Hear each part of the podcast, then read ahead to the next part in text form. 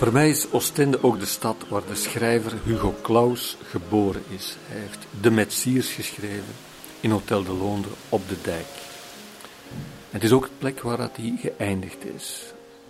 Bepaald moment zei testita tutis, het is tijd dat het gedaan is. Hij kende ook het Oostens. Heeft, Klaus heeft ook nooit een onvertogen woord gezegd over Oostende.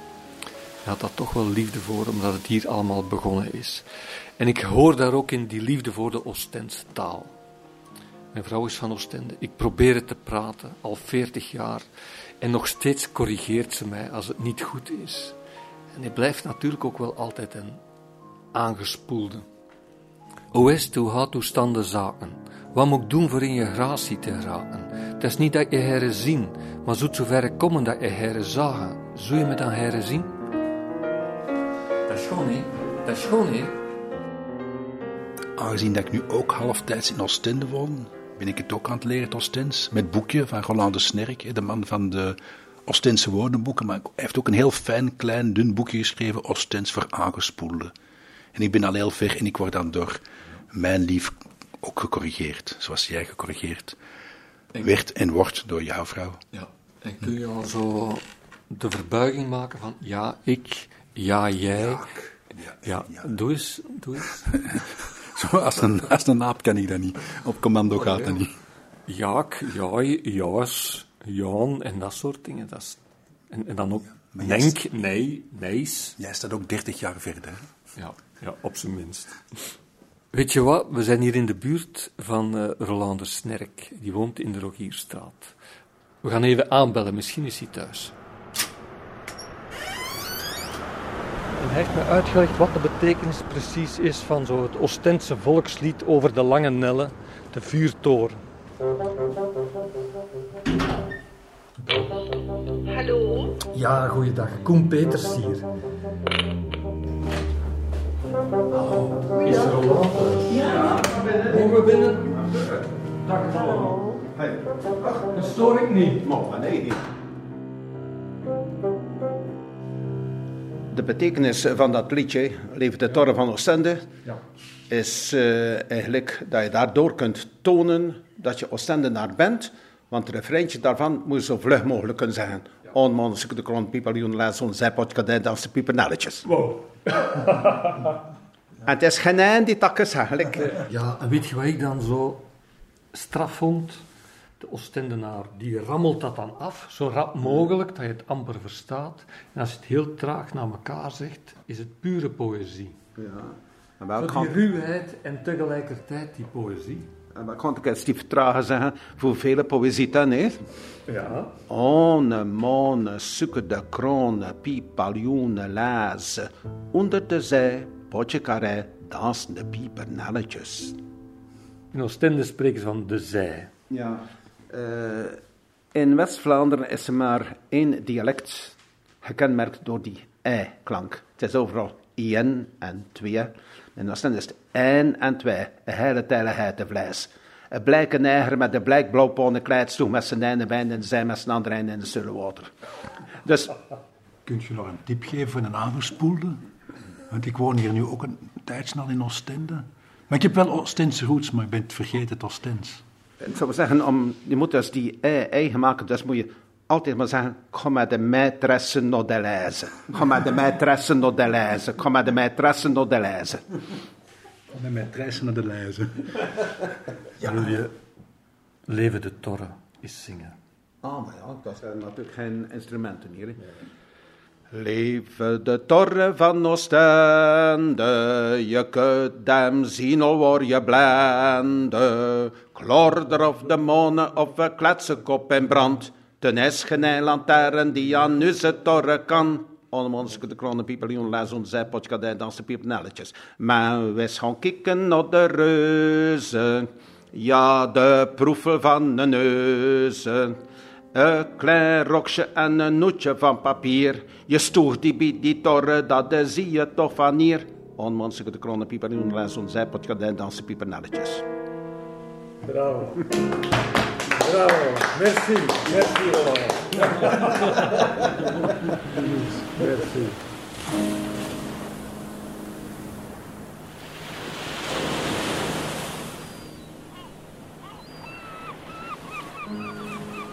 Daarboven, en je ziet daar beneden Melody, restaurant, een brasserie, is nu gesloten.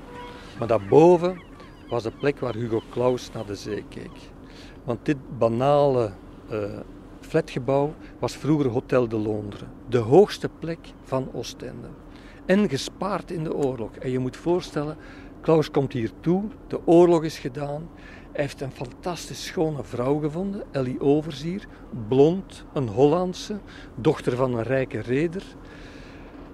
En voor het eerst schrijft Hugo Claus liefdespoëzie, wat hij nooit eerder had gedaan. En ze slapen samen in Hotel de Londres. Het stond helemaal leeg, werd uitgebaat door Roger Hermans, iemand die heel zwaar gecollaboreerd had. Wellicht via Klaus verleden was hij daar binnen geraakt. En hij woonde daar samen met Ellie Oversier. En ik keek uit over de zee. En als je daarboven zit en je kijkt naar de zee, is het een grote blauwe zilverplaat waar je op kijkt. Je kijkt daar niet op neer, die zee die verschijnt in de hoogte. En je ziet daar ook heel krachtig hoe de, hoe de boten de, het zeegat kiezen. En toen Koen en ik hier waren op zoek naar waar is de plek waar de schrijver Klaus geboren is, zagen we dat de deur open stond van het appartementsgebouw Melodie. We liepen naar boven, ze waren daar aan het werken, dat was de reden waarom het open stond. En exact de verdieping waar Hotel de Londres, de twee kamers die Klaus met Ellie bezette, dat stond open, want daar waren ze aan het werken. Ze hadden helemaal gestript. Uh, achter ons waren ze bezig met van die grote drillboren. En wij komen daar binnen, we kijken door het raam en we zien exact wat Klaus gezien heeft. Nadien verwerkt hij die ervaring in de verwondering. Begin van de verwondering begint inderdaad van een onderwijzer die logeert in een hotel. En dat heeft helemaal de allure van Hotel de Londres. En bovendien eindigt de verwondering ook op deze plek waar we hier zijn. Je ziet daar het standbeeld voor de, de mensen die overleden zijn op de zee. De pisser noemen ze dat in Oostende. Dat is een beetje een kinky standbeeld, maar je mag dat niet hardop zeggen, want je mag dan niet meer lachen in Oostende. En hij beschrijft dan hoe die onderwijzer op het einde van zijn boek heel hard schreeuwt. En dat is iets wat uh, Koen en ik ook gedaan hebben. We eerst wat moeten oefenen. We hebben daar heel hard geroepen.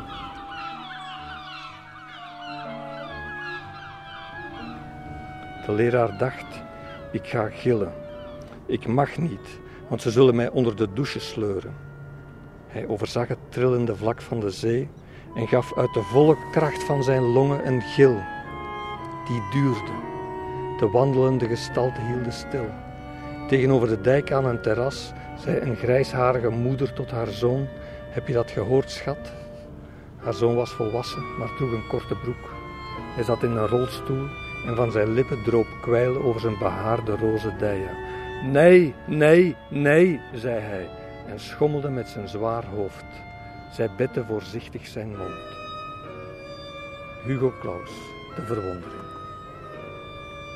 Straf, hè? En trouwens, Hugo Claus is hier ook begraven. Dus hij is verast geworden.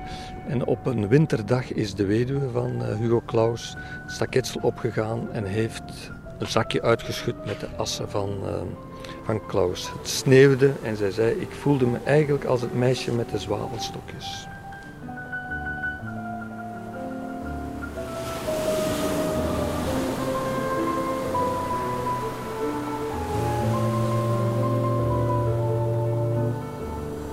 Ik vraag aan Broeke: durf jij roepen zoals Klaus, zoals in zijn boek? Geen gil, maar een schreeuw. Welke schreeuw, vraagt hij. Kies maar, zeg Een schreeuw van kwaadheid, van angst. Levensdrift, Edvard Munch uit volle borst in de zeelucht. Durf jij dat doen, zonder de mensen en ook de kinderen te waarschuwen?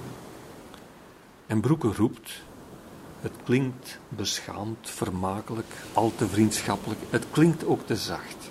Broeke geeft het direct toe. Niemand heeft het eigenlijk opgemerkt. Een hond blaft tegen de zee en zijn baasje. We lopen tot vlak aan de branding, waar het zand aan onze voeten zuigt. Daar draaien wij ons om. We zien Disneyland Magique met zijn ridicule zandkastelen en drie verdwaalde palmbomen in rozige koffers. Een vlucht aalschol verstrekt over de fel oranje blikken dozen en de flatgebouwen. Broeken en ik schreeuwen, bevrijd met alle adem die wij hebben.